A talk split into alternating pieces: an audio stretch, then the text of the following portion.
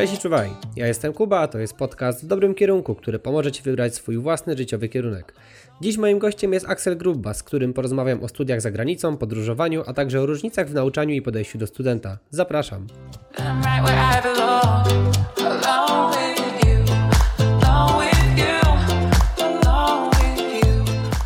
Cześć Axel.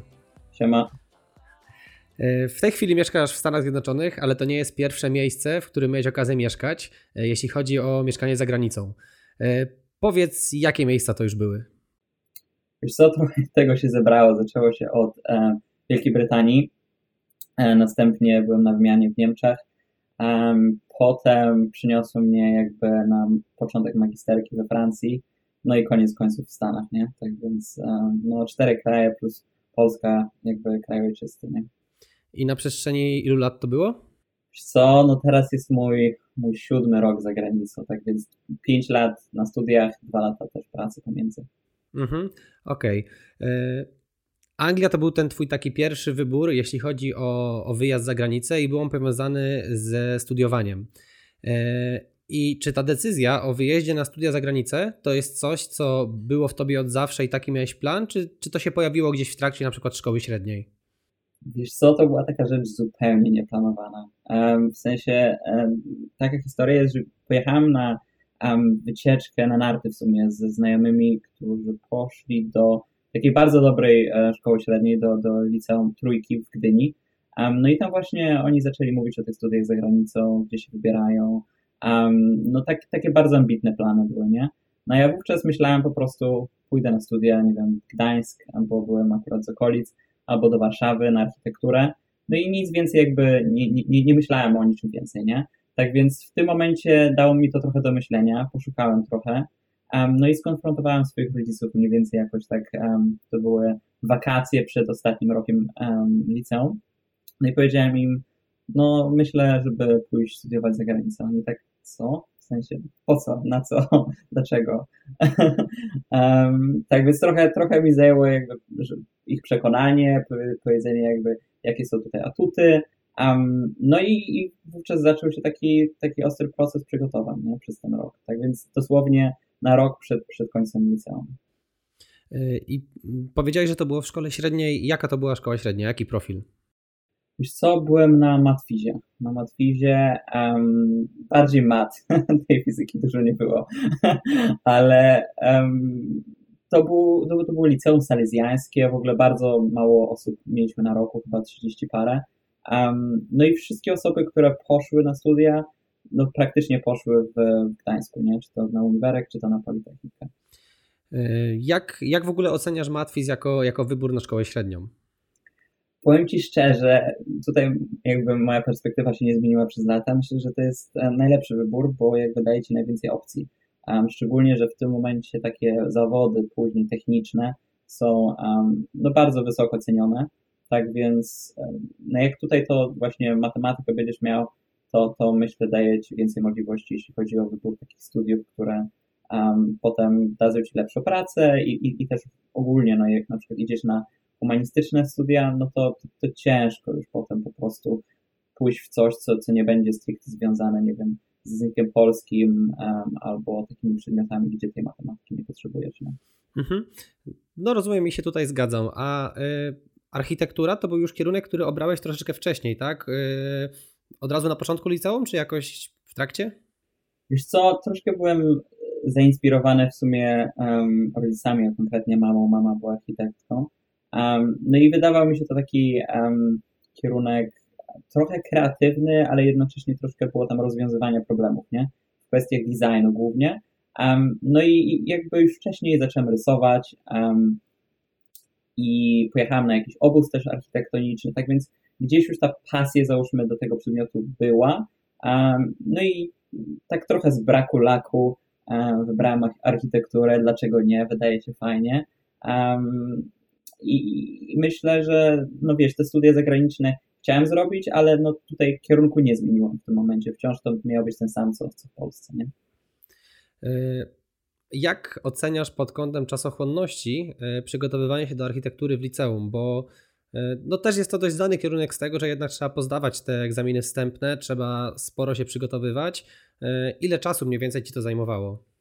Tak, to jest, tu masz rację, to jest dosyć skomplikowana rzecz. Na pewno w Polsce to już trochę zajmuje czasu, a za granicę jeszcze więcej, ponieważ dochodzą pewne, pewne kwestie, których w Polsce nie ma. Za granicę musiałem złożyć tak zwany personal statement, to jest taki list motywacyjny troszkę, gdzie opisuję dlaczego ja, dlaczego ten kierunek i tak dalej, dlaczego ta uczelnia. No i portfolio też, które składa się jakby z, ze zbioru prac, które miałeś okazję tworzyć do tego czasu. Tak więc już musisz mieć to gotowe po prostu, jak przychodzi okres aplikacji. A w Polsce to są głównie egzaminy, które są już na koniec liceum, więc musisz jakby ćwiczyć swój warsztat w międzyczasie, ale ta presja jest jakby bardziej rozłożona w czasie, nie? Um, do, u mnie jeszcze doszły dodatkowe przedmioty też na maturę, um, tutaj konkretnie historia sztuki, którą zdawałem, żeby mieć jakby taki um, dosyć szeroki profil, nie? czyli matematyka, historia sztuki. Chciałem pokazać, że nie jestem tylko umysłem ścisłym, ale też potrafię um, tutaj o, o, innych rzeczach rozmawiać i, i się interesuję. Um, tak więc to była też rzecz, którą, um, do której sam się przygotowywałem w własnym czasie. Nie mieliśmy zajęć historii sztuki, więc pamiętam, że jeździłem praktycznie na rysunek. na rysunku uczyłem się jakby podstaw kreski i tak dalej. Jak wracałem w pociągu historia sztuki, byłem w domu, matematyka i tak na okrągło. No tak więc jak, jak, jak co porównuję, to jakby pandemia była w 2014, jak zdawałem maturę, to ja bym nie odczuł różnicy, bo praktycznie cały czas byłem w domu, nie? Um, albo gdzieś, no. Zahaczyłeś tutaj o maturę i właśnie y, ty dostawałeś się z maturą polską, nie zdawałeś jakiejś międzynarodowej bądź czegoś w tym stylu? Nie, wiesz co, Polska, Polska, to się da bez problemu. Okej, okay, no i właśnie chciałem tutaj zapytać, y, jak, y, jak wygląda ta matura, y, znaczy jak wygląda rekrutacja pod kątem matury? Powiedziałeś, że można dostać się z maturą polską. Są jakieś przeliczniki? Czy to wygląda podobnie jak w Polsce? Um, wiesz co, trochę to chyba się zmieniło w tym czasie, bo to jednak 7 lat jest. E, w tym momencie, jak ja zdawałem, to były po prostu um, pewnego rodzaju progi. Każdy kraj miał swój próg według matury danego kraju, czyli u nas na przykład jak zdawałeś, to trzeba, miał, trzeba było e, posiadać trzy przedmioty na rozszerzeniu e, z minimum x procent, e, zależnie od uczelni. U mnie chyba było to 80 czy 85 z każdego przedmiotu rozszerzonego. Um, I wówczas musiałeś po prostu zapytać, poprosić w sumie twojego nauczyciela, aby um, w, podczas tego wniosku o aplikację do, do tych uczelni powiedział, że oni przewidują, że te wymagania spełnisz, tak? Um, no i następnie trzeba było faktycznie je spełnić. Um, niestety te matury różnią się z roku na rok, jeśli chodzi o trudność, nie? Tak więc 80% w jednym roku nie jest równowartością 80% w następnym roku. Um, u mnie to był trochę problem, bo właśnie miałem z jednej matury minimalnie niżej chyba 84, a, a potrzebowało się 85, a z innych miałem dużo wyżej, tak więc oni przymknęli oko na to ale na przykład chyba w tym roku i w ostatnich latach masz takie coś jak staniny, czy ogólnie takie jakby rozłożenie tych wyników w zależności nie tylko od procentu, ale też jak wypadłeś na tle kraju. no i w tym momencie to już jest dużo bardziej, no łatwiej się dostać po prostu, tak? Bo, bo już te, te procenty się nie liczą aż tak bardzo, jak, jak to, jak wypadłeś na, na, na tle no, reszty studentów e, w Polsce, nie? No to jest właśnie ten wynik centylowy, czyli jak ty się e, rekrutowałeś, to on, jeszcze, tak, to on jeszcze nie był brany pod uwagę, ale teraz to z tego co wiesz się zmieniło i raczej już jest, e, to on się liczy, a nie sam suchy procent, tak? Tak, tak, tak, tak mi się wydaje. I czym kierowałeś się przy wyborze uczelni? E, I możesz powiedzieć, co wybrałeś, w jakim mieście, w jakim kraju? Chociaż wiem, znaczy wiem, że to Anglia, ale jakie miasto? Jasne. Mój wybór był dosyć prosty. Ja zdecydowałem się na Anglię ze względu na to, chciałem studiować po angielsku. Myślałem, no, gdzie tutaj pójść. Na Stany jednak było trochę za późno, bo na Stany to jednak trzeba się porządnie przygotować. Aplikacja jest bardzo, um, no, różni się bardzo od, od tej polskiej i po prostu było już za późno. No i też jakby wybierać się za wiesz, głęboką wodę um, do Stanów um, na, na licencjat. Nie czułem się jeszcze tak aż na siłach może. Um, tak więc Anglia wydawała się takim idealnym wyborem. Jeśli chodzi o miejsce konkretne w Anglii, no to było proste. Poszedłem po prostu, sprawdziłem um, um, rankingi i patrzę, ok, biorę pierwsze trzy, czy, czy się uda, czy się nie uda. Um, no i do jednej się udało, w sumie do dwóch, ale, ale wybrałem jedną. I tak więc to był dosyć prosty wybór. Ja w Anglii wówczas jeszcze nigdy nie byłem, tak więc nie mogłem jakby wybrać miejsca na podstawie moich odczuć, jeśli chodzi o, o, o przebywanie tam i tak dalej. Ale tak, tak polecam też osobom, bo jednak też częściowo kierowałem się studiami za granicą w, ze względu na, na prestiż tych uczelni, nie? Jednak jest, jest um, łatwiej pracy dostać za granicą po um, tych uczelniach, na pewno. W Polsce zależy od, od kierunku, a w niektórych to się bardziej liczy, w niektórych mniej, um, ale, ale też na pewno to dodaje jakieś plusy, nie? Język i, i, i też jakość nauczania. Wydaje mi się, że y, prestiż uczelni w Polsce niestety często jest budowany tym, że nie tyle one dobrze nas czegoś nauczą, tylko jest dla nich straszne, ciężkie tyranie, uczenie się właśnie jakiejś absurdalnie trudnej matematyki, czy prowadzący, którzy są po prostu nie do przejścia. I y, z jednej strony to buduje charakter i okej, okay, mamy absolwenta, który jest wytrwały, umie pracować, ale czy warto to robić w ten sposób? Ja uważam, że nie. I czy możesz powiedzieć na podstawie Twojego doświadczenia z tych kilku miejsc na całym świecie, czy z czymś takim się spotkałeś, czy raczej ten, czy raczej ten prestiż jest faktycznie wypracowywany tym, że uczymy się rzeczy, które będziemy wykorzystywać w pracy? Um, wiesz co, tutaj pomiędzy myślę bym powiedział, um, że podejście jest na pewno dużo bardziej praktyczne i masz poczucie w większości przynajmniej um, przypadków i, i kierunków, że uczysz się rzeczy, które będziesz mógł użyć potem w pracy. Um, no oczywiście to nie jest 100%, ale, ale większość przynajmniej. Um, ale tutaj nie powiedziałbym, że jakby ilość pracy jest dużo mniejsza, nie? Um, zależy od kierunku. Ja na architekturze miałem momenty, gdzie wiesz, um, kończyłem o trzeciej nad ranem, następnego dnia wstaję o, o 9 rano i, i, i, jedziemy dalej, nie? Szczególnie przed oddaniem jakby końcowych projektów. Naprawdę nie były to rzeczy może aż tak trudne, um, jeśli chodzi o, o, o, naturę pracy, ale bardzo czasochłonne, nie? przynajmniej w architekturze. Um, na innych kierunkach różnie. Na pewno myślę, że za granicą dużo jest um, wypracowań, esejów, takich rzeczy. Um, no i to też zabiera czas i to musi być zrobione na wysokim poziomie, nie? Um, może sami wykładowcy nie są aż tak wymagający, albo nie masz poczucia, że nie wiem, chcą, żebyś nie zdał, tak? Bo każdy mam wrażenie tam chce dla ciebie jak najlepiej, tak? Um, no ale jednocześnie musisz mieć świadomość, że konkurujesz z osobami um, naprawdę z różnych krajów, które są tam w jednym celu, nie? Żeby zdobyć edukację wysokiej klasy. No i, um, no i starają się i, i wkładają w to swój czas i zaangażowanie. Tak więc też nie powiedziałbym, że, że jest, jest tak łatwo, szczególnie jak chcesz dostać dobre oceny. Tak, właśnie tutaj nie chodziło mi o to, że, że jest łatwiej czy trudniej, tylko o to, że ten trud, który wkładamy, jeśli jest tak samo duży czy nawet większy, że jednak jest włożony w coś wartościowego, a nie w technologię sprzed 30 lat. Jasne, to na pewno, bez dwóch zdań. Mhm. I powiedz mi, kiedy miałeś wyniki rekrutacji? Czy było na spokojnie, e, był na spokojnie czas, żeby przeprowadzić się, ogarnąć sobie mieszkanie za granicą, czy to było bardziej w biegu robione? Wiesz co, to było, ta aplikacja jest w sumie śmieszna, bo załóżmy wysyłasz um, chyba swoje aplikacje jakoś na początku stycznia, coś takiego, właśnie z portfolio i przewidywanymi ocenami e, i listem motywacyjnym. I oni odpowiadają ci chyba już w marcu. Na zasadzie, ok, masz miejsce, tylko musisz spełnić wymagania, jeśli chodzi o wyniki matur, nie? Tak więc wtedy masz taką podwójną motywację na zasadzie, kurczę, dobra, już, już mam miejsce, tylko muszę się, muszę się spinać i, i jeśli mi się to uda, to, to wszystko jest zagwarantowane, nie? Tak więc e, wówczas już wiedziałem, jak na przykład napisałem matury, mniej więcej czułem, jak mi to poszło, nie?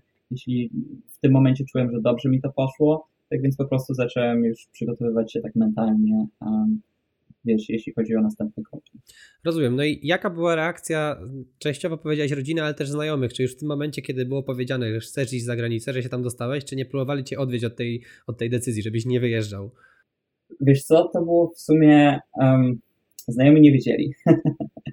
tak więc e, ja w ogóle tutaj, e, tutaj to wszystko trzymałem tak troszkę w tajemnicy, bo, bo byłem pierwszą osobą w tym momencie, która w ogóle poszła na studia zagraniczne z, mojej, z mojego liceum i po prostu nie chciałem, żeby jakby informacje o tym albo nie wiem, opinie moich znajomych wpłynęły tutaj na, na to, jak, jak, jaką decyzję podejmę, ale też w ogóle jak będę sobie radził, nie? No bo pomyśl sobie, nie wiem, złożę tą aplikację i nie dostanę się do żadnej uczelni. No po co sobie robić jakby dodatkowe problemy ciśnienia, nie? Um, z racji tego, że wiedziałem, że to jest jednak troszeczkę ryzykowne, po prostu aplikowałem, ale, ale trzymałem to jakby troszkę w tajemnicy. Tak więc dopiero jak już się dostałem, to, to, to powiedziałem. No i wówczas jakby no ciężko było odrzucić e, taką propozycję, żeby, żeby pojechać, nie? No, ra, oznajmiłem to na pewno rodzicom oczywiście, oni byli bardzo e, uradowani, e, no bo wiedzieli ile mnie to pracy kosztowało. Um, no a znajomi, część znajomych, tak jak powiedziałem Ci, na przykład z trójki też wyjeżdżała za granicę. Tak więc miałem tam jedno, dwie, trzy osoby, które, które znałem i które były w podobnej sytuacji. Większość osób została, um, no ale też przyjęły to z takim um, jakby zaskoczeniem na pewno, um, no ale też, też wiedziały, że wiesz, to jest taka możliwość rozwoju, nie? Tak więc w tym momencie 2014, no to jeszcze te kontakty, jak wyjechałem, to już tak troszeczkę ciężej było utrzymać. W tym momencie, no każdy jest przyzwyczajony do Zooma, tak więc myślę, myślę że to zupełnie nie stanowi problemu. Okej, okay, no i e, zaczynamy studia, zaczynamy studia za granicą. Jakie były te początki e, odnośnie uczelni, odnośnie obcego kraju? Um, hmm. Wiesz co, pierwszy, pierwszy moment było tak na zasadzie, kurde, co ja zrobiłem? no, bo, no bo pojechałem tam z rodzicami i, i um, no się żegnamy, oni odjechali, ja tak pierwszy raz byłem sam, nie? Zupełnie jeszcze w obcym kraju, inny język, dużo tych rzeczy było naraz, nie? No ale z czasem z każdy jakby następny miesiąc, no i później też rok, to jakby czułem, że ten wybór był na pewno dobry, no bo jakby byłem coraz bardziej samodzielny, już język, który kiedyś w liceum jeszcze wydawał mi się taki, taką rzeczą bardzo ciężko do ogarnięcia na takim poziomie płynnym, stawał się praktycznie prawie moim językiem ojczystym po jakimś czasie, nie? Um, tak więc um, myślę, myślę, że te pierwsze kroki były na pewno niełatwe, ale z perspektywy czasu kluczowe. No właśnie, czy z tym językiem y, napotkałeś jakieś problemy powiązane z tym, że wszystko wokół nas jest po angielsku, to ok, ale te aspekty techniczne na uczelni, y, czy matematyka, czy jakieś no, konstrukcje, bądź, bądź pojęcia architektoniczne, czy z tym nie miałeś problemu, żeby sobie y, z tym się połapać, na przykład na wykładach czy zajęciach? Jasne. Um, tu może wspomnę, że jakby wymaganiem na takie uczelnie zagraniczne jest też egzamin z języka, nie? To jest kwestia kluczowa, bo jednak ten język będzie ci umożliwiał albo um, dobre, albo, albo słabe zdanie tych przedmiotów. Um, no i też tutaj kontakty międzyludzkie. Ja bym nawet tu powiedział, że ten język jest bardziej potrzebny do kontaktów międzyludzkich, szczególnie jeśli chodzi o mówienie, um, aniżeli o takich, e, o, do takich rzeczy technicznych um, i, czysto akademickich, nie? No bo jednak chcesz się czuć, um, że jesteś jakby częścią takiego, takiego właśnie akademickiego społeczeństwa. No nie oszukujmy się, tam praktycznie każdy rozmawia po angielsku. Polaków zależy, troszkę jest czasami na niektórych uczelniach, na niektórych uczelniach mniej, zależy jak trafisz. No ale pytanie jest, czy, czy chcesz rozmawiać tylko po polsku, jak wyjechać za granicę, nie? Um, dlatego ja tutaj bym jakby podkreślił, że znajomość tego języka jest rzeczą kluczową. Nie patrzy się tak bardzo na osobę y, przez pryzmat jej narodowości, narodowości ale bardziej tego, jak, jak potrafił jak posługiwać się tym językiem. Nie? No bo wtedy jesteś naprawdę bardzo swobodną osobą, jeśli chodzi o te rzeczy. Um, tak więc um, myśl, myślę, że tutaj jak ktoś jest swobodny w tym języku, to, to nie będzie miał problemów um, na uczelni też. A co właśnie ze znajomymi i z samotnością, która może się pojawić? Y, jak, jak ty sobie z tym poradziłeś? Wiesz co, wiem, że to jest problem. Dla niektórych jest to problem, bo, bo miałem taką osobę, która się do mnie odezwała właśnie i już dostała się na uczelnię um, i pojechała i zrezygnowała po kilku miesiącach, bo nie czuła się jakby, wiesz, u siebie, tak. Um, i, I takie, takie przypadki też się zdarzają, um, ale to są pojedyncze. No to tutaj musisz jakby sobie um, zadać pytanie, jak, jako aplikant potencjalny, czy jest to rzecz, która Cię interesuje, tak? No bo załóżmy, jeśli masz dziewczynę chłopaka w Polsce, tak, to będzie ciężko, tak? jeśli masz dużą grupę znajomych, z którymi wiesz, że chcesz utrzymać super kontakt spotykacie się co, co nie wiem, co piątek, no, będzie też różnica, nie? Um, w moim przekonaniu u mnie to było tak, że miałem, wiesz, znajomych, ale to nie było tak, że byliśmy ze sobą tak zżyci, że ja muszę zostać w tym mieście, w którym, wiesz, się poznaliśmy, nie? Um, mam kilku znajomych, um, jedna koleżanka na przykład jest w Warszawie, spotykamy się, nie wiem, co kwartał, um, może, może co, co pół roku. ja przyleciałem do Warszawy, ona przy, przyleciała raz do Londynu, każdy, każdy z nas jakby, wiesz, pojechało na jakieś wymiany, coś, tak, tak bardziej międzynarodowy charakter miała, miała ta przyjaźń i jakby tutaj jakby ten dystans nie miał tak aż znaczenia, nie? tak więc zależy też od, od tego, jakie, jakie masz oczekiwania. Oczywiście nie będzie tak jak w Polsce, nie? musisz mieć jakby tą strefę komfortu troszeczkę szerszą i być otwarty na to, że nie wiem, poznasz ludzi z Chin, Indii, um, też Polaków um, i um, po prostu cieszyć się tymi możliwościami, nie? A jednocześnie to nie, nie przeszkadza w tym, żeby utrzymać te znajomości w Polsce, nie? Tylko kwestia jest taka, że na pewno one będą, nie będą bezpośrednio, wiesz, twarzą w twarz i też będą rzadsze pewnie. No właśnie, a jak często mniej więcej wracałeś do kraju? Co na początku to chyba było mniej więcej tak co kwartał. Um, no, pomyślmy, święta Bożego Narodzenia, święta wielkanocne, wakacje, mniej więcej no, standard, nie? Myślę, jak ktoś wyjeżdża do Warszawy na studia, to bardzo podobnie. Um, czy nie wiem, do jakiegoś innego miasta w Polsce. To, jak jest po prostu okazja, to też wraca do rodziny i, i spędza ten czas w gronie rodziny. A jak wygląda koszt y, studiowania za granicą? Czy y, uczelnie są y, finansowane, czy musimy płacić czesne? Tak, to zależy bardzo od, od kraju um, i też to się zmienia.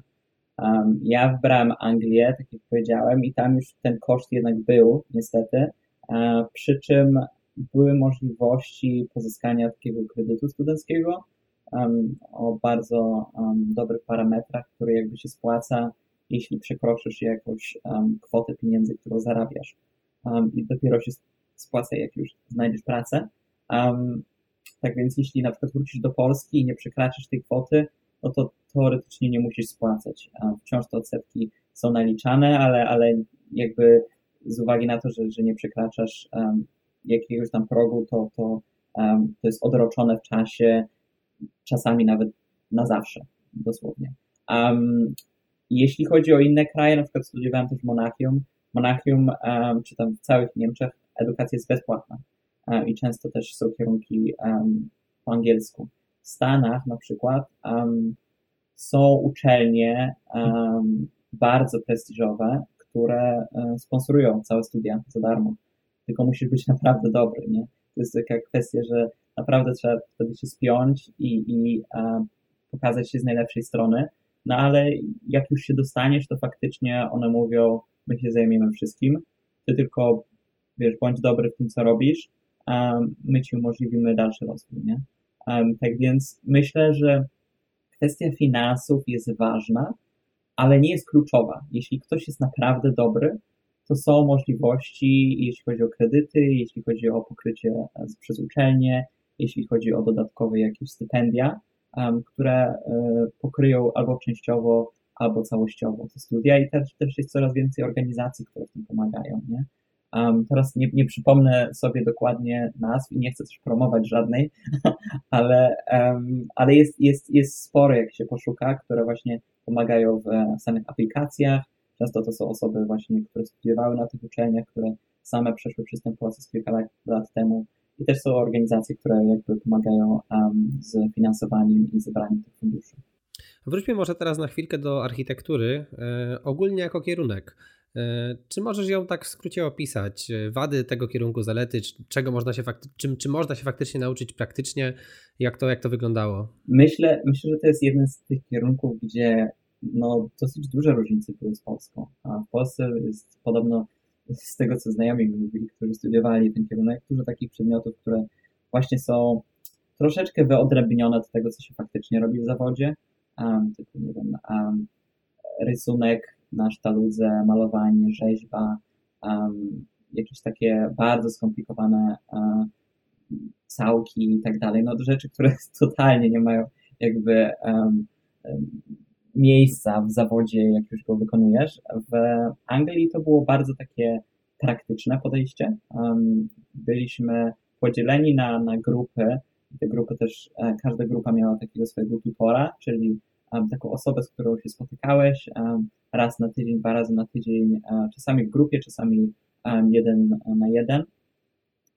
I, i omawialiście swój projekt, nie? każdy przedmiot jakby, ogólnie mieliśmy takie dwa projekty na rok mniej więcej. Te przedmioty, które mieliśmy, związane były jedne były z samym designem i inne były z takimi bardziej, rzeczami bardziej technicznymi, technicznymi. One wszystkie doty, dotyczyły tego projektu, tak? Tak więc miałeś wrażenie, że faktycznie tworzysz coś, nie? Rysujesz, potem tworzysz modele tego w CADzie, czy programach jakichś graficznych, w, fizycznie też. No i następnie koniec końców to prezentujesz przed gronem właśnie profesorów, i, i też innych studentów, nie? Tak więc to był taki naprawdę podobny proces do tego, co byś mógł zobaczyć w biurze architektonicznym. No i jedyną różnicą było to, że nie będziesz tego budynku budował, tylko um, skończy się na prezentacji, nie? Czyli wydaje mi się, że to jest bardzo dobre, że nie masz takiej sytuacji, że na pięciu różnych przedmiotach projektujesz pięć takich samych budynków, ale troszeczkę się różniących, tylko jednak to wszystko składa się do jednego dużego projektu i myślę, że to jest bardzo cenne w doświadczeniu jako, jako student. No i tą architekturę w Anglii skończyłeś i zacząłeś pracę, tak? Dokładnie. Jak ta twoja praca wyglądała? Co, co w niej robiłeś?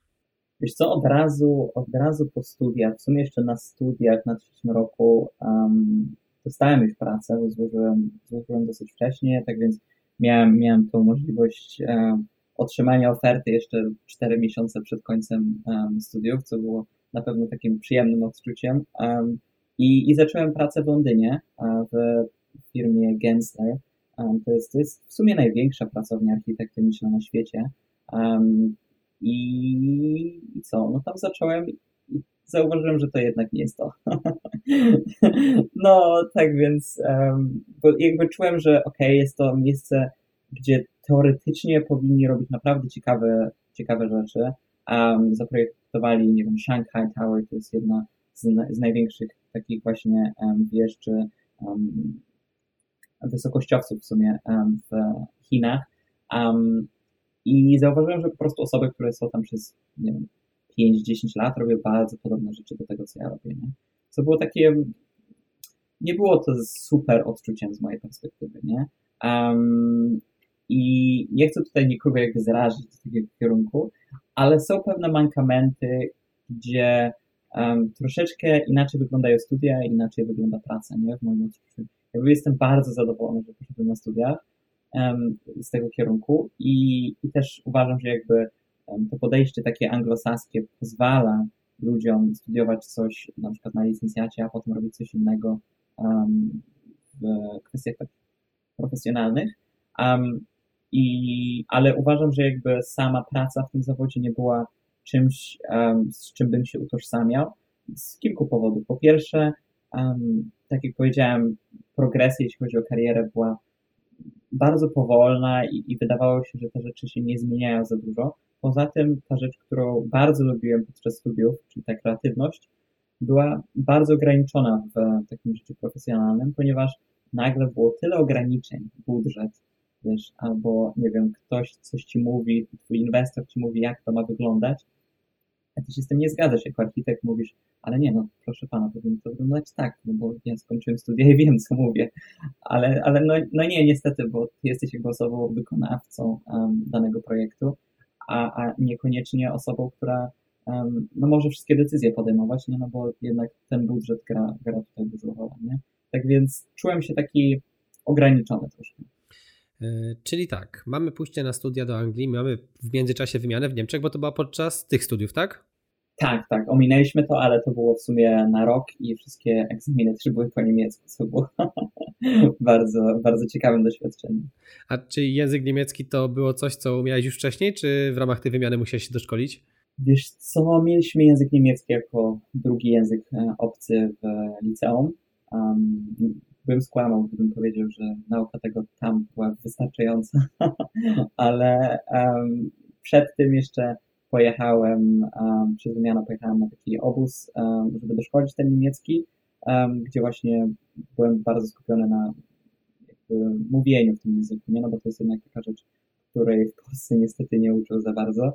Um, no i, i, i reszta jakby przyszła, przyszła z czasem, nie? Tutaj była taka kwestia, że bardzo piąłem na to, żeby mówić w tym języku cały czas, tak więc ludzie chcieli po angielsku, ale ja nie, nie, nie, po, po niemiecku będziemy mówić. Nawet jeśli mówię tak, e, wiesz, kali pić, kali jeść, to, to, to chcę po niemiecku, no i z czasem to na pewno polepszało się, um, aż, aż skończył się ten rok i i ten język faktycznie był na dużo wyższym poziomie. I nie było jakichś problemów z tym, że jako osoba z zagranicy chcesz jeszcze jechać na wymianę? Kompletnie to jest normalnie traktowane? Wiesz co, nawet powiedziałbym, że to był plus, bo um, w Anglii nie było dużo osób, które mówiły po niemiecku. tak więc, tak jak w Polsce na przykład z Erasmusa, to wiem, że, że no, duże kolejki są, nie? nie? Ciężko się dostać na te wymiany. Um, to w Anglii było jeszcze łatwiej nawet, no bo dosłownie pojechałem ja i tam koleżanka jeszcze z Polski właśnie, bo jako jedyni znaliśmy ten język i, i mieliśmy taką chęć, żeby w ogóle gdzieś pojechać, nie? Opcja jeszcze była Singapur, ale no tutaj głównie chodziło o język, podszkolenie tego języka, um, tak więc wybór padł na Monachium. Stwierdziłeś, że architektura to nie jest coś dla ciebie, yy, no i co potem? Co dalej? To jest dobre pytanie. Wiesz co, już podczas studiów jakieś miałem takie ciągoty w kierunku biznesowym. Wziąłem udział w kilku konkursach, odbyłem też praktyki um, w londyńskim biurze takiej, takiej firmy konsultingowej i zdecydowałem, że w sumie takie rozwiązywanie problemów właśnie w kwestiach designu to jest bardzo podobne do rozwiązywania problemów w kwestiach biznesowych. I zdecydowałem się, ok, te konkursy poszły mi spoko. Fajnie by było jakby ugruntować tą wiedzę w, tych kwestiach właśnie biznesowych w postaci um, magisterki, nie? W tym kierunku. Um, no i poszukałem, tak, podejście było takie same. Um, patrzę na ranking, co tam jest najwyżej. no i, i, próbujemy, nie? No bo dlaczego nie? Nie szkodzi. I właśnie to jakby przywiodło mnie do, do Francji. Dostałem się właśnie na, na HEC w Paryżu. To jest taka dosyć dobra szkoła biznesowa. No i tam pytanie było też znowu, co dalej, nie? No bo jednak w architekturze to jest piękne i, i nudne w sumie jest to, że jednak masz bardzo um, określoną ścieżkę kariery, nie? Przynajmniej w Anglii to jest na zasadzie robisz licencjat, idziesz do pracy na rok, robisz magisterkę, idziesz do pracy na rok, zdajesz egzamin, jesteś architektem, dziękujemy, nie? Um, jeśli chodzi o biznes, to jest, jest masa opcji, które są, nie? Um, możesz być w banku, możesz otworzyć swój startup, um, czy jakąś firmę, um, możesz być, dorad, doradzać innym firmom w kwestiach jakichś. No i kwestia też sektorów, nie? Możesz być w kosmetykach albo w energii, no bardzo dużo tego jest, nie? Tak więc tutaj było też pytanie, co mnie kręci um, i gdzie bym się sprawdził, nie? Um, tak więc to też był taki czas poszukiwań troszkę, nie? Ten pierwszy rok. Ale czy wraz y, z Francją przeszedł też język francuski, czy to są studia w języku angielskim? to już by było za dużo. nie, niestety francuskiego, wiesz, to zupełnie ja byłem anty, jeśli chodzi o ten język. Nie szło mi to. Um, tak więc um, są języki, wiesz, każdy, każdy język ma tam swoją rodzinę. Um, tutaj wymowa była zupełnie inna niż w angielskim czy w niemieckim. No i, i, nie czułem, żebym był w stanie nauczyć się tego języka w takim stopniu, jakbym chciał w ten rok. Szczególnie, że tak jak e, wspomniałeś, akurat tutaj um, wszystkie wykłady były po angielsku, nie? tak więc nie, nie było nawet potrzeby. Jak się nazywał kierunek, na którym byłeś we Francji? To było Master in Management, czyli e, magisterka zarządzania. Okej. Okay. Okej, okay, e, czyli zarządzanie. I jak, jak możesz opisać te studia? Wiesz co, trochę inne, na pewno. W sumie bardzo inne. um, nie, bo jakby tak jak wspominałem, podejście było bardzo praktyczne na tamtych studiach. Wiesz, um, używaliśmy programów um, 3D, robiliśmy modele, rysowaliśmy prezentacje, nie? tym razem no to było bardzo podobne w sumie do takich studiów, tak jak ktoś sobie kojarzy studia, nie? Idziesz um, na wykład, słuchasz, wracasz, idziesz do biblioteki, trochę się pouczysz, a potem zdajesz egzamin, nie? Tak więc jeśli chodzi o takie, takie studiowanie, dla mnie to była rzecz nowa, bo właśnie podejście było takie bardziej teoretyczne, no ale z drugiej strony to są pewne takie kwestie, których inaczej nie da się nauczyć. były też możliwości, żeby w konkursach brać udział, albo, nie wiem, spotkać się z firmami. Przy, przyjeżdżało do nas sporo też firm, które promowały się, pokazywały nam, co robią, um, ale myślę, że tutaj jakby sama, sam sposób nauki nie był wcale odmienny od takich szkół jak nie wiem, SGH na przykład. Mhm. E, a czy odczułeś e, to, że to jest magister w kompletnie innym kierunku niż licencjat? Um, wiesz co, na pewno odczułem, ale plus był taki w sumie tej uczelni, że osoby, które tam były, przychodziły z różnych miejsc. Naprawdę to nie jest tak, że ja byłem jedyną osobą, która przyszła, nie wiem, z architektury. Osoby przychodziły z informatyki, biotechnologii, um, anglistyki, różnych naprawdę sfer życia. Um, no i wszystkie z tym samym celem, żeby jakby nauczyć się um, jakby tego mindsetu takiego biznesowego i połączyć najlepiej ich licencjat i magisterkę w jakimś takim kierunku, którym, uh, który umożliwi im dalszy rozwój. Nie? Tak więc um, myślę, że nawet ta magisterka troszkę, troszeczkę skrojona była pod osoby takie, które przychodzą z innych kierunków, i żeby właśnie im, dać takie, takie podstawy w szybkim tempie. No właśnie, ten mindset. Wydaje mi się, że przy studiach e, zarządzania e, samo wejście w ten świat, myślenie w ten sposób jest bardzo ważne i czy oprócz tej teorii, którą trzeba się było nauczyć, e, można było to zdobyć i faktycznie zanurzyć się w tym świecie? Myślę, myślę że tak, wiesz co, jeszcze tak wspomnę o uczelni, to, to był taki kampus pod Paryżem, byliśmy praktycznie zamknięci trzeba było naprawdę mieć przepustkę, żeby wjechać i w ogóle. Um, I wiesz, wszyscy, wszyscy są w tym samym miejscu i przebywasz z tymi osobami praktycznie um, 24 godziny na dobę. No tak więc łatwo w ten, w ten mindset, wejść, jeśli każdy ma mniej więcej podobne spojrzenie, podobne, podobne cele.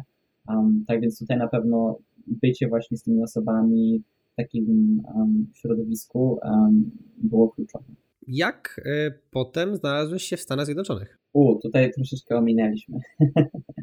um, no właśnie, bo to było w ramach kontynuacji studiów, czy y, to było co? po studiach? Tak, to był na początku w sumie jak aplikowałem, to był właśnie taki program um, raczkujący dopiero, ale um, który łączył pierwszy rok na um, tej uczelni francuskiej z drugim rokiem w Stanach. Tak więc ja aplikując wiedziałem, że aplikuję na obie uczelnie jednocześnie. Um, no i z obu musiałem otrzymać jakby pozytywne, um, jakby zielone światło, nie? Um, tak więc wiedziałem, że jakby pierwszy rok będę robić we Francji, drugi rok w Stanach. Pytanie tylko było, co pomiędzy, nie? Była opcja, żeby właśnie pójść od razu na drugi rok albo e, zrobić sobie rok przerwy. Ja zdecydowałem się na taki rok przerwy z uwagi na to właśnie, że wcześniej pracowałem w innej branży, a jednocześnie nie chciałem skończyć tych studiów bez doświadczenia zawodowego, um, no bo oczywiście ciężej by było znaleźć pracę i też nie czułbym się tak, tak komfortowo, nie? Tak więc zdecydowałem się poszukać czegoś e, właśnie w branży nowych technologii i tutaj był wybór pomiędzy albo pracowaniem w takim startupie, czyli w firmie, która dopiero raczkuje w tych kwestiach technologicznych, albo byciem po drugiej stronie um, i byciem inwestorem, nie? czyli osobą, która e, inwestuje w takie startupy, ogląda modele biznesowe i, i potem decyduje, które są najlepsze, a które, którym trzeba podziękować. Nie?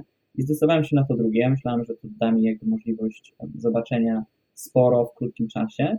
Mm, no i zostałem z tą firmą w sumie, do której dołączyłem w Londynie przez, przez rok, nie? Ta praca była gdzie? Ona była w Londynie, tak? Tak, tak. To był fundusz w Londynie. Tam byłem przez mniej więcej, myślę, jakoś 8 miesięcy. No i potem przyszła pandemia i zdecydowałem się, no nie, no nie będę po prostu um, siedział w mieszkaniu samemu, tak więc wróciłem w sumie um, do rodziny a na, na ostatnie tam 3 czy 4 miesiące. Um, no ale wciąż jeszcze pracowałem jakby zdalnie. Nie? I pracowałeś jako inwestor, tylko mm, czy to było inwestowanie własnymi środkami, czy to była bardziej analizy dla firmy? Nie, to może ja tutaj jakby przedstawię w ogóle, jak to, jak to wygląda, bo może rzucam hasłami, które nie są jakby w 100% jasne. To wygląda tak, że, taki fundusz jakby zbiera um, kapitał z różnych miejsc i następnie inwestuje ten kapitał przez właśnie inwestorów, którzy są pracownikami tej firmy w różnego rodzaju startupy, które są konkretnie sfokusowane na, na danym sektorze, załóżmy, nie? W naszym przypadku były, były to technologie, które dotykają w jakiś sposób nieruchomości um, i w tym momencie to nie były nasze pieniądze, um, ale jednocześnie osoby na wyższych stanowiskach, czyli tak zwani partnerzy, um, jakby część ich udziałów, które dostają, są w zależności od tego, jak dobrze im pójdą te inwestycje. Tak więc jasne, że jakby w ich interesie jest to, żeby jak najlepiej inwestować, no bo oni też zyskują z tego. No i następnie praca sama w sobie polega na tym, że najpierw szukasz tych potencjalnych inwestycji, ciekawych startupów, następnie odzywasz się do osób, które prowadzą te firmy, rozmawiasz z nimi, starasz się zrozumieć, jaki mają pomysł, następnie analizujesz bardziej dogłębnie ten biznes, model biznesowy, no i koniec końców, mam nadzieję, inwestujesz e, w daną firmę. To się zdarza rzadko, no bo żeby tak przybliżyć, na każde 100 firm, które widzieliśmy, dogłębnie patrzyliśmy w 10 i inwestowaliśmy w jedną. Czyli to jest naprawdę taki, taki tunel, że jest, jest zainteresowanych sporo, ale, ale trzeba wybierać. Nie? I ta praca w porównaniu z pracą architekta wydała się lepsza, ciekawsza? E, tutaj plus był taki, że naprawdę miałeś do czynienia z osobami, które tak myślą um, bardzo przyszłościowo, nie? Tak więc sama, sama praca polegała właśnie na tym, że spotykasz się z tymi osobami, wypytujesz ich, dowiadujesz się o rzeczach, o których reszta świata dowie się za 5 lat, 10 lat czasami, nie? Um, tak więc, żeby tak przybliżyć na przykład Facebook, tak samo ktoś musiał w niego zainwestować 5 czy 10 lat wcześniej, zanim on po prostu zdobył taką skalę, gdzie no praktycznie każdy teraz tego Facebooka ma, nie? No i te osoby, które inwestowały, one musiały widzieć potencjał już wcześniej, nie? No i spotykały się nie tylko z takim um, założycielem Facebooka, tylko z wieloma osobami, które miały naprawdę takie pomysły, pomysły idące no, w przyszłość i, i, na dużej skali. Tak więc to jest bardzo, bardzo fajne doświadczenie było. Na pewno to otwiera oczy na, na, na różnego rodzaju rzeczy, o których normalnie na co dzień nie myślisz, nie? No i jednocześnie ta bardzo duża różnorodność, nie? Tych biznesów, na, na które patrzyliśmy na co dzień. Mi się to podobało, ja lubię spotykać się z ludźmi, lubię rozmawiać o nowych rzeczach. Tak więc na, na pewno w tym przypadku bym powiedział, że, że ta zmiana z architektury na, na, na, na bycie inwestorem akurat tutaj dla mnie była, była fajna. I te ostatnie trzy miesiące spędziłeś w Polsce i jak udało Ci się w ogóle pogodzić pandemię, e, no z tego co rozumiem, do, z wyjazdem do Stanów, tak? Tak, tutaj to było bardzo pod takim dużym znakiem zapytania, bo, bo oczywiście trzeba dostać wizę studencką i tak dalej. Ja tą wizę dostałem dosłownie dwa tygodnie przed wyjazdem, bo wcześniej była ambasada zamknięta. No i zdecydowałem się, żeby wyjechać, ponieważ no jednak troszeczkę już studiuję. Nie? Zacząłem w 2014, studiowałem w międzyczasie, znaczy pracowałem w międzyczasie dwa lata, no ale wciąż nie chciałbym, żeby to się odwlekało w czasie, tak więc pomyślałem sobie albo teraz, albo nigdy. Trzeba to dokończyć. Możliwość była przełożenia tego jeszcze o rok, ale, ale chciałem tego uniknąć. No i w Stanach w tym momencie zależy tutaj bardzo od stanu, jak to wygląda, nie? Myślę, że w Polsce w mediach się mówi, że jest tak bardzo źle i tutaj jest tyle zachorowań i tak dalej. Myślę, myślę, że to zależy. Tutaj dosyć mocno są te wszystkiego rodzaju obostrzenia wprowadzone, tak więc naprawdę ludzie się stosują, ale jednocześnie są rzeczy możliwe, które w innych krajach nie byłyby możliwe. Ja tutaj wspomnę, że akurat e, byłem e, na takim road tripie w Kalifornii e, i, i jeździliśmy po parkach narodowych i te rzeczy były otwarte, tak więc tutaj, tutaj fajnie było właśnie zobaczyć troszkę tych Stanów, a jednocześnie no, zachować te środki bezpieczeństwa, które są potrzebne podczas pandemii. Nie? Czyli ogólnie e, mimo pandemii udało się dotrzeć, e, dotrzeć do Stanów i zachować w miarę normalny tok studiowania, tak? Znaczy tutaj zajęcia są takie pół na pół, nie? Tak więc częściowo um, chodzimy normalnie um, na zajęcia, um, na wykłady, a częściowo jest niestety online. No ale jest jak jest, no, co mam tutaj powiedzieć, trzeba się do, do tego troszkę przyzwyczaić. Myślę, że uczelnia tutaj bardzo, bardzo tak zdroworozsądkowo podchodzi do tego. Nie? I twoja uczelnia to? Yale w New Haven, Connecticut. Powiedz mi, e, jak, e, jak możesz porównać ten drugi rok zarządzania w Stanach do tego we Francji? Znaczy tutaj porównanie jest takie, że porównuje się rok bez pandemii z pandemią, więc ciężko bardzo, ale um, myślę, myślę, że w Stanach jednak to jest taka troszkę mekka biznesu, tak więc na pewno um, fajnie zobaczyć właśnie jak te rzeczy do, tak, do, do takich rzeczy biznesowych podchodzą tutaj wykładowcy, czy, czy osoby, które faktycznie praktykują ten biznes. Um, na pewno plusem jest to, że ma się poczucie w Stanach, że naprawdę sky is the limit, nie? Na zasadzie ludzie tutaj myślą dużo bardziej um, przyszłościowo, um, no i też w takich wymiarach dużych, na zasadzie, nie wiem, nie chcemy założyć biznesu w tym miejscu, tylko chcemy założyć biznes, który będzie operował na całym świecie, nie? Tak więc to jest, to jest fajne podejście i z którego myślę można naprawdę czerpać garściami, bo mam wrażenie, że nie wiem, w Polsce czasami myślimy tak na zasadzie, a pomału, nie myślmy za, za, za, um, za dużej skali, no bo nie chcemy być jakby pyszni i nie chcemy jakby się, się obnosić z na, naszymi zamiarami. Um, myślę, że czasami można być takim bardziej troszeczkę odważnym w tych kwestiach. Um, przy czym jeśli chodzi o, o jakby pracę i, i, gdzie siebie widzę, myślę, że Europa jest bardzo fajnym miejscem i też nie wykluczam jakby powrotu tutaj do Polski czy, czy, czy um, do Londynu, um, ale jednocześnie same takie podróże, jak to się mówi, kształcą, nie?